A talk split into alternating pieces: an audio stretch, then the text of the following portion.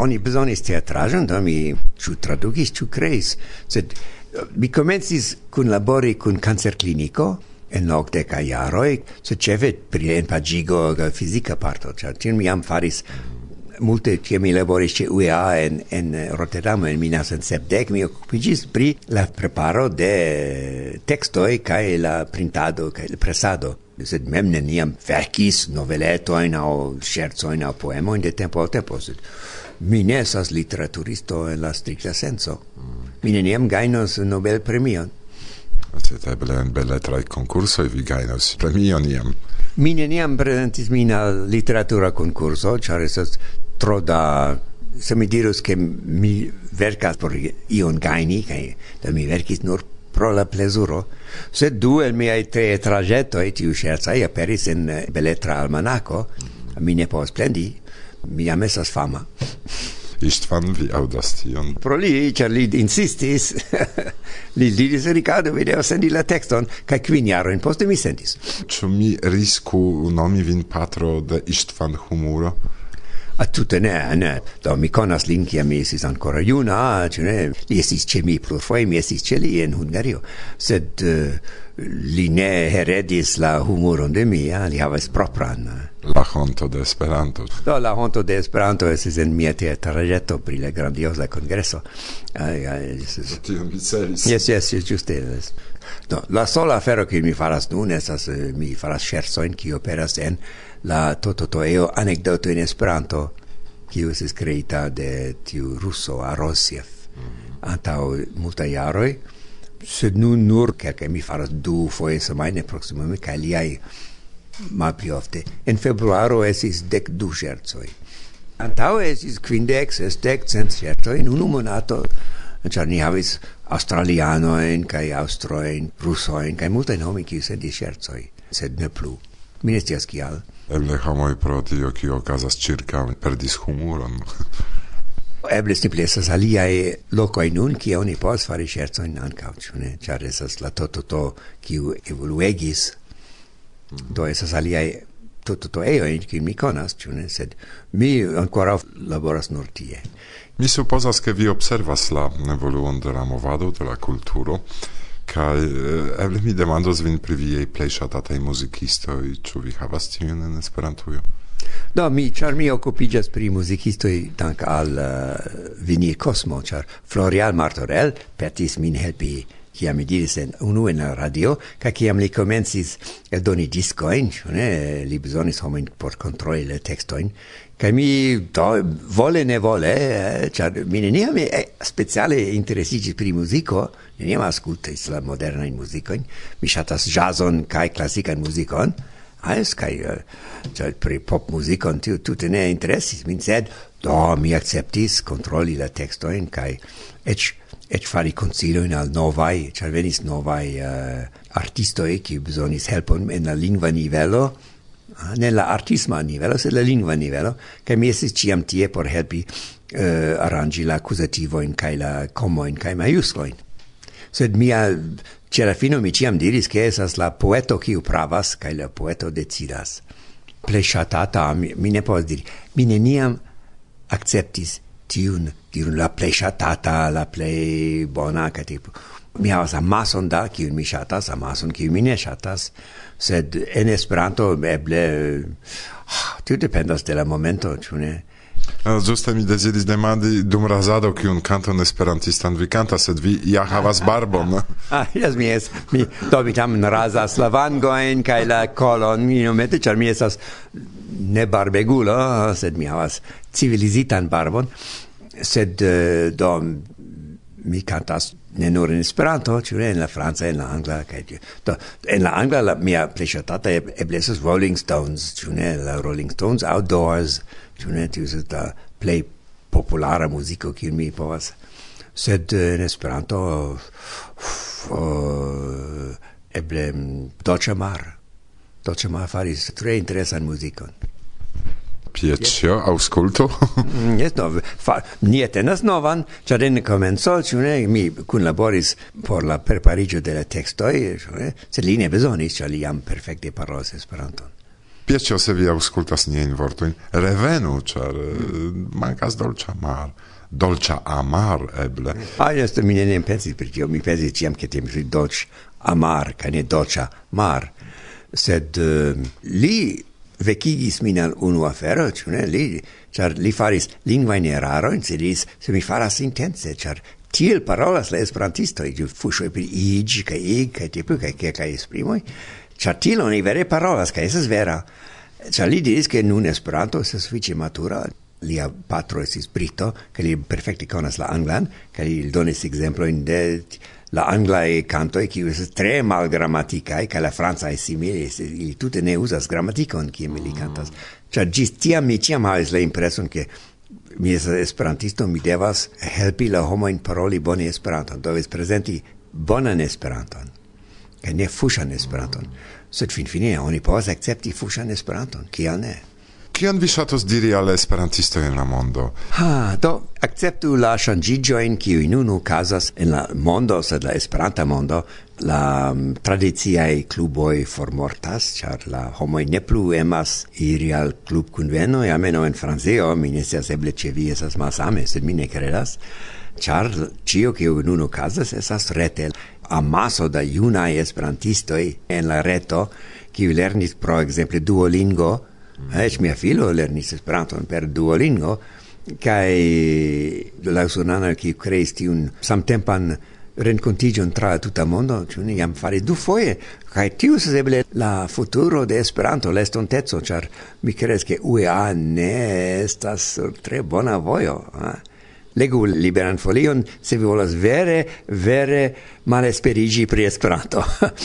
Char eh, uh, UEA nun faras tutajon, ĉu ne? Sed do mi ne parolu pri tio, mi ne helpas ilin, do mi ne rajtas kritiki. Sed um, til estas la estonteco, estos en la reto, kaj ni ne povas lukti kontraŭ tio. Ni devas reorganizi la movadon por esperi allogi tiujn gejunulojn cefe la geiunuloin, ciu ne, eh, kiu esas la... Do, mi stias kiel ex geunulo kiel ex junulo ciu ne? Eh? Char mi comencis esperanton, mi esis decvariara, ca iris al congressoi, ca miris pri tiom da maliunuloi en la congressoi, ca nun mi estas. Mem do, ciu ne, eh, tiam mi cestis iri al esperanto conventoi. Do, ni trinkos vinon plu, carai, quancam vi audos pos momento musicon,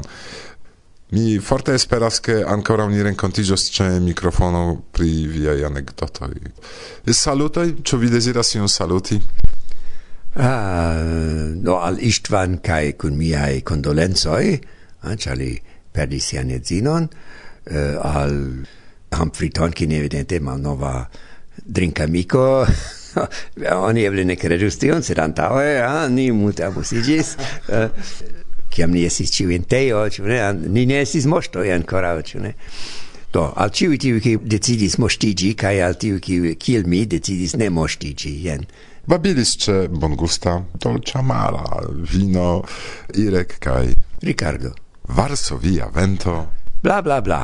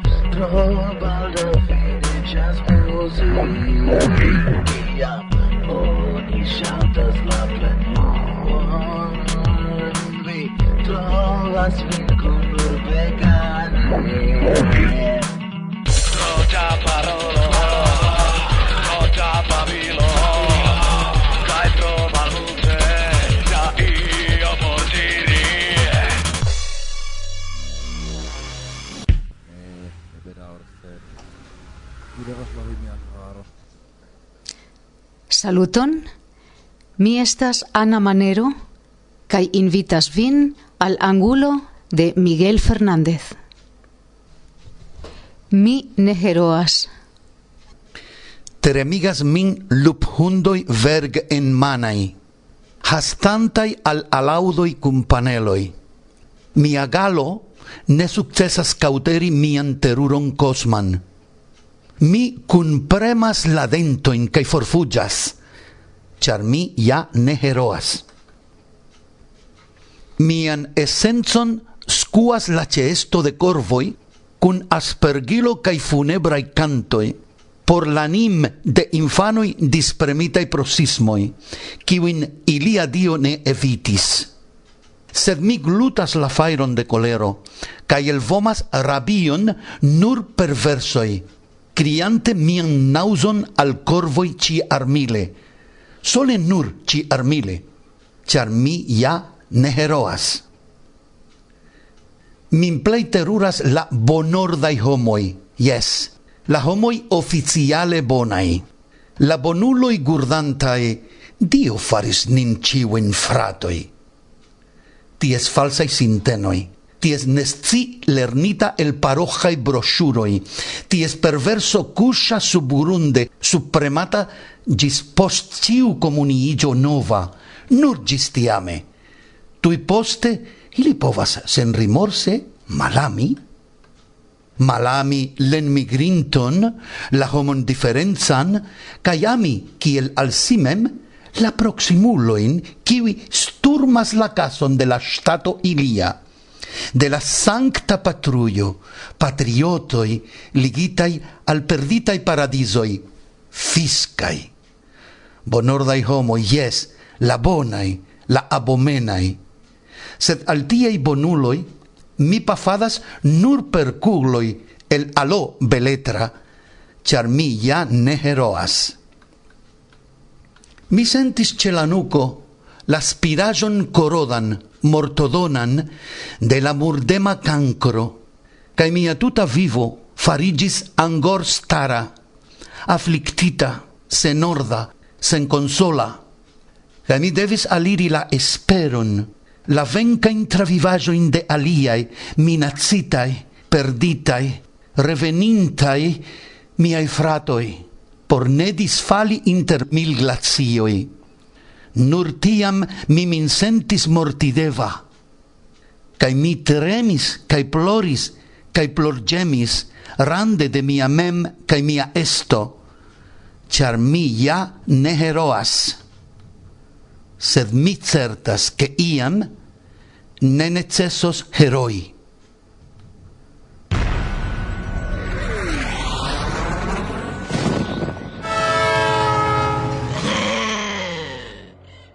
Varsovia vento. Decembre en la pasinta jaro grupo de Wikimedianoj Esperanto kaj Libera Scio turnis sin al fondaĵo Wikimedio kun propono organizi fotokonkurson pri Esperanta temo. Ideo de la konkurso rilatas al la antaŭa internacia kaj populara konkurso Wiki amas monumentojn. Do, kiujn monumentojn havas ni, la esperantistoj? Kompreneble temas pri zeoj, Zamenhof Esperanto objektoj. La fondajo Wikimedio konsentis organizadon de la konkurso kaj decidis subvencii gin, por ke oni povu ankaŭ premii la plein bonajn fotojn. Tial se vi shatas foti kai vi scias kie en via circauajo au survoje de via vojaĝo ekzistas zeoj, ne hezitu partopreni tiun iniciaton. gi estos utila ne nur por la Wikipediaj paĝoj, sed ankaŭ ĉar la fotoj estos sub libera licenco, kiel dokumentaro pri la esperantistaj monumentoj. La detalojn vi trovos en prescribo de la concurso en la pagio de Wikimedia Commons, kiu donas eblon ankaŭ alŝuti viajn fotojn. Ligilon vi trovos en prescribo de la elsendo. Unue. Unue ne perdiĝu. Unue ekkomprenu. Ni eraris longan tempon anonime en multec en abomena tempoflu. Ofte kun terura tim, svarmis la insidoi lau la voi, premis malisper. tutte ne antaŭvidite trafis nin tiu accia embusca, sed levigas son, tiu crescas iam, sereniga voc, urgas che vi iru plu, che vi dedicio vin alla feconda voi, neniam tardas tro y en la ing y en la spir y en la inspir Estas hom kun vi vinspir auror ec brilumas vin vin circauas energi ec aperanta sub la vund inspir Princio sur la vivo voi silentas vian dolcia mir ciam crevas febla branch ien rice verba viv desir inspir. Si estas muso en solets spegulon tunit civirin observis cache cel fondan vi presca une rimarcis cin, Sed esis kiel rendezvous, ci dantau un longen sopir, arrangis via cun vimen, frenes curaccia pluenir inspir!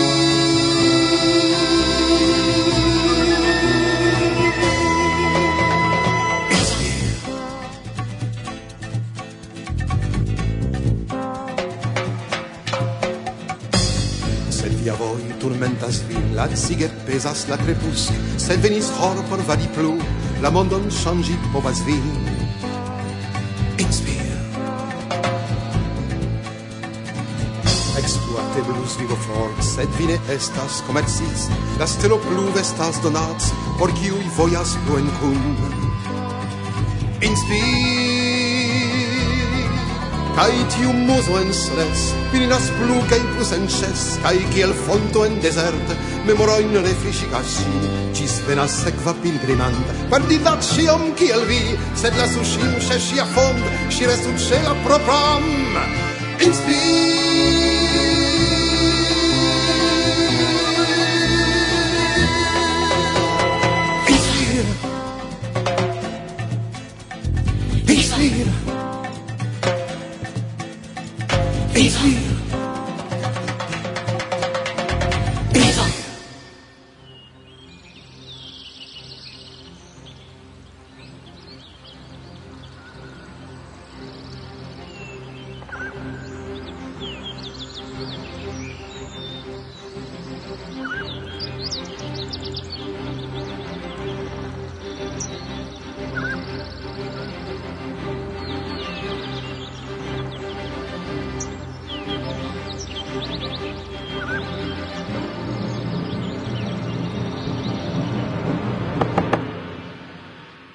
Tiam Wojski ec captis sian passamente ligitan bubalcornon, boao serpente torgitan, longan strian, al buso gin metis, plene blovis vangoin, sange ocul brilletis, duone fermis palpebroin, ventron entiris, en pulmoin provisoin de la aero spiris, cae ecludis.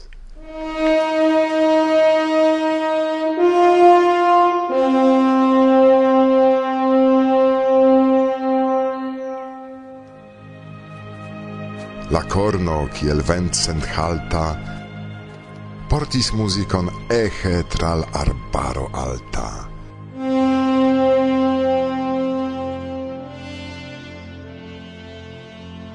Exilentis pafistoi cae bestopelantoi, mirante harmonion cae forton de cantoi. Maliunul sian arton faman en la mondo, nun refoje presentis al chasista rondo. Li plenigis, vivigis chaseion, querc aron, quasau li por comenzo enlasus hundaron. Vigla alvoc historion de la chaso donis, gem post gemo hurletas, ien hundo ludado, iam tono pli acretondras, ien pofado. Li cesis, cornon tenis, pensis audantaro che ludas li, sed ludis, echo tra l'arbaro. Li blovis re, corno quasau form changiante, en bus de voiski malpli, au pli giante, imitis bestain vocioin, ien lupo malsata hurletas per gemo longa, terure trenata, poste el ursa fauco mugio vaste bruas, poste ura blecado aeron trascuas. Li cesis, cornon tenis, Pensis audantaro che ludas li, sed ludis echo tral arbaro. Auscultinte la arton de la corna cevverco, ripetis gin la fagoi cae querco al querco. Li blovas, ciu en corno estas cornoi cento? audigas mixe crioi, colero, lamento, de homoi, hundoi, bestoi, gis voisci contribuon levis per triumfa himno. Batis nubon. Li cessis, cornon tenis. Pensis audantaro che ludas li, sed ludis. Echo tral arbaro. Kiom da arboi, kiom da cornoi sin trovis, kai kiel horoi ehe la canton reblovis. Sonis musico ciam pli vasta, pli hela, kaj ciam pli malauta, pli pura, pli bela, gis ie, sur la soilo ciela, gis venis.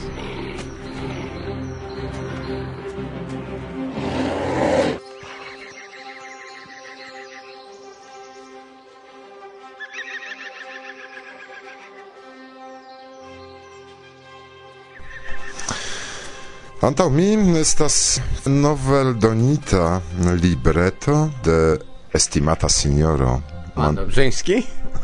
Roman Dobrzyński, antau mikrofono de Varsovia Vento kaj hodiaŭ ni iomete parolos pri temo pri kiu jam ni parolis, sed ne exacte pri sama temo. Signoro Tadeo parolas Esperante.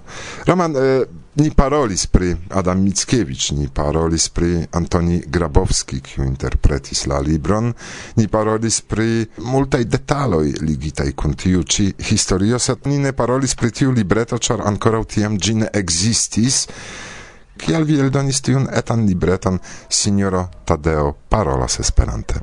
Eh, do, pli malpli eh, en la jaro 2009 Eh, turnis sin al mi doktoro Ulrich Linz el Germanio con propono che mi verku iun chapitron al la eh, libro eldonata fare de Universal Esperanto Asocio honore al professor Humphrey Tonkin occasione de lia sebdek jara naskic dat reveno. Tiam mi captis la ideon, che mi povas scribi pri Signoro Tadeo kai pri la filmo Signoro Tadeo, kiu estis prezentita dum la Universala Kongreso de Esperanto en Bialistoko. Kaj kompreneble eh, mi estis preparita por tiu temo, ĉar mi laboris jam kelkajn jarojn pri la afero. Do mi verkis eseon subtitolo Signoro Tadeo parolas Esperante. Sed eh, tiel mi devas ne jam paroli pri la pli frua pretexto. Do, mi delonge revis pri la okazigo de Universala Kongreso en Bialistoko. Kai kiam mi estis en Pekino dum la Universala Kongreso en 2000 kvara jaro, tiam mi kun eh, granda intereso rigardis dum la fermo de la Kongreso kiam la organizantoj kokosanoj el Pekino transdonis la flagon hm, al la prezidanto de Kokoso en la kongreso de la jaro 2005 al Povilas Jegorovas. Kaj tiam mi subite kaptis la ideon, ke se la homoi veturos al la congresso en Vilno, do compreneble granda parto veturos tra Varsovio kaj Bialistoko. Kaj mi parolis tiam kun Renato Corsetti, che eble en la sama jaro 2005 oni organizu antaŭ kongreson en Bialistoko. Kaj diris, jes, tre bona ideo. Do mi revenis al Pollando, tute triumfe, kiel homo kiu malkovris Amerikon, mi veturis al Bialistoko kaj diris juste jes, ni faru antaŭ kongreso en Bialistoko. Kai kion mi aŭdis? Ne, ne, mankas i mankas homo, kiu tion organizos? Ne, ne, ne, ni ne volas kai imago che tio antau congresso na ocasis. Sed, por mi, la congresso en Vilno esis ancao tre grava pro alia motivo. Mi tie, tute surprize por mi, ricevis titolon de honora membro de Universala Esperanto Asocio. Kai poste oni petis min, ke mi priskribu mian esperantan biografion. Interalie, speciale mi devis substreki en kiom da kongresoj kaj en kiu kongresoj mi partoprenis. Do mi calculis, montrigis che essis multae, jam prescau dude congresoi, cae tuta serce mi notis En la jaro 2009 mi estis en kongreso en Bialistoko, ocase de la cent quindec jara da treveno de Ludovico Zamenhof. Do, quancam tio estis futuro du mil nau, sed mi diris en la pasinta tempo, che mi estis en... Profetazo. Fakte tio ne estis profetazo, set constato de la facto. tion mi diris serce. Set imagu, che tio mia serco plenumigis reclamo.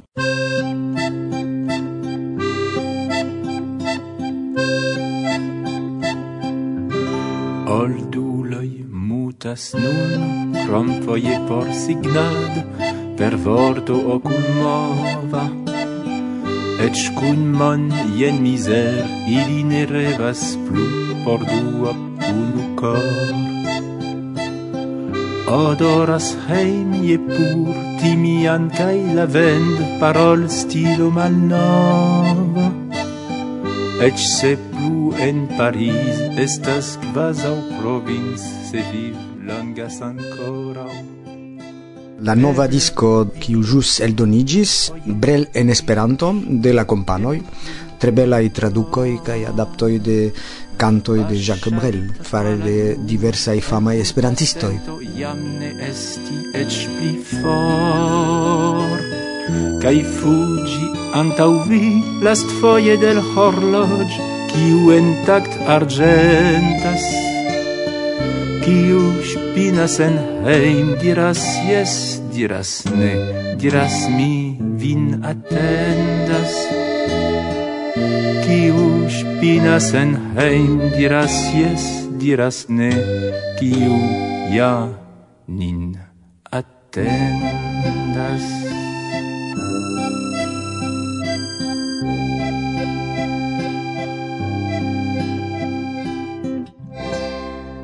Klaku al ligilo kaj vi malkovros eh, pri kio temas. Varsovia vento, bla bla bla.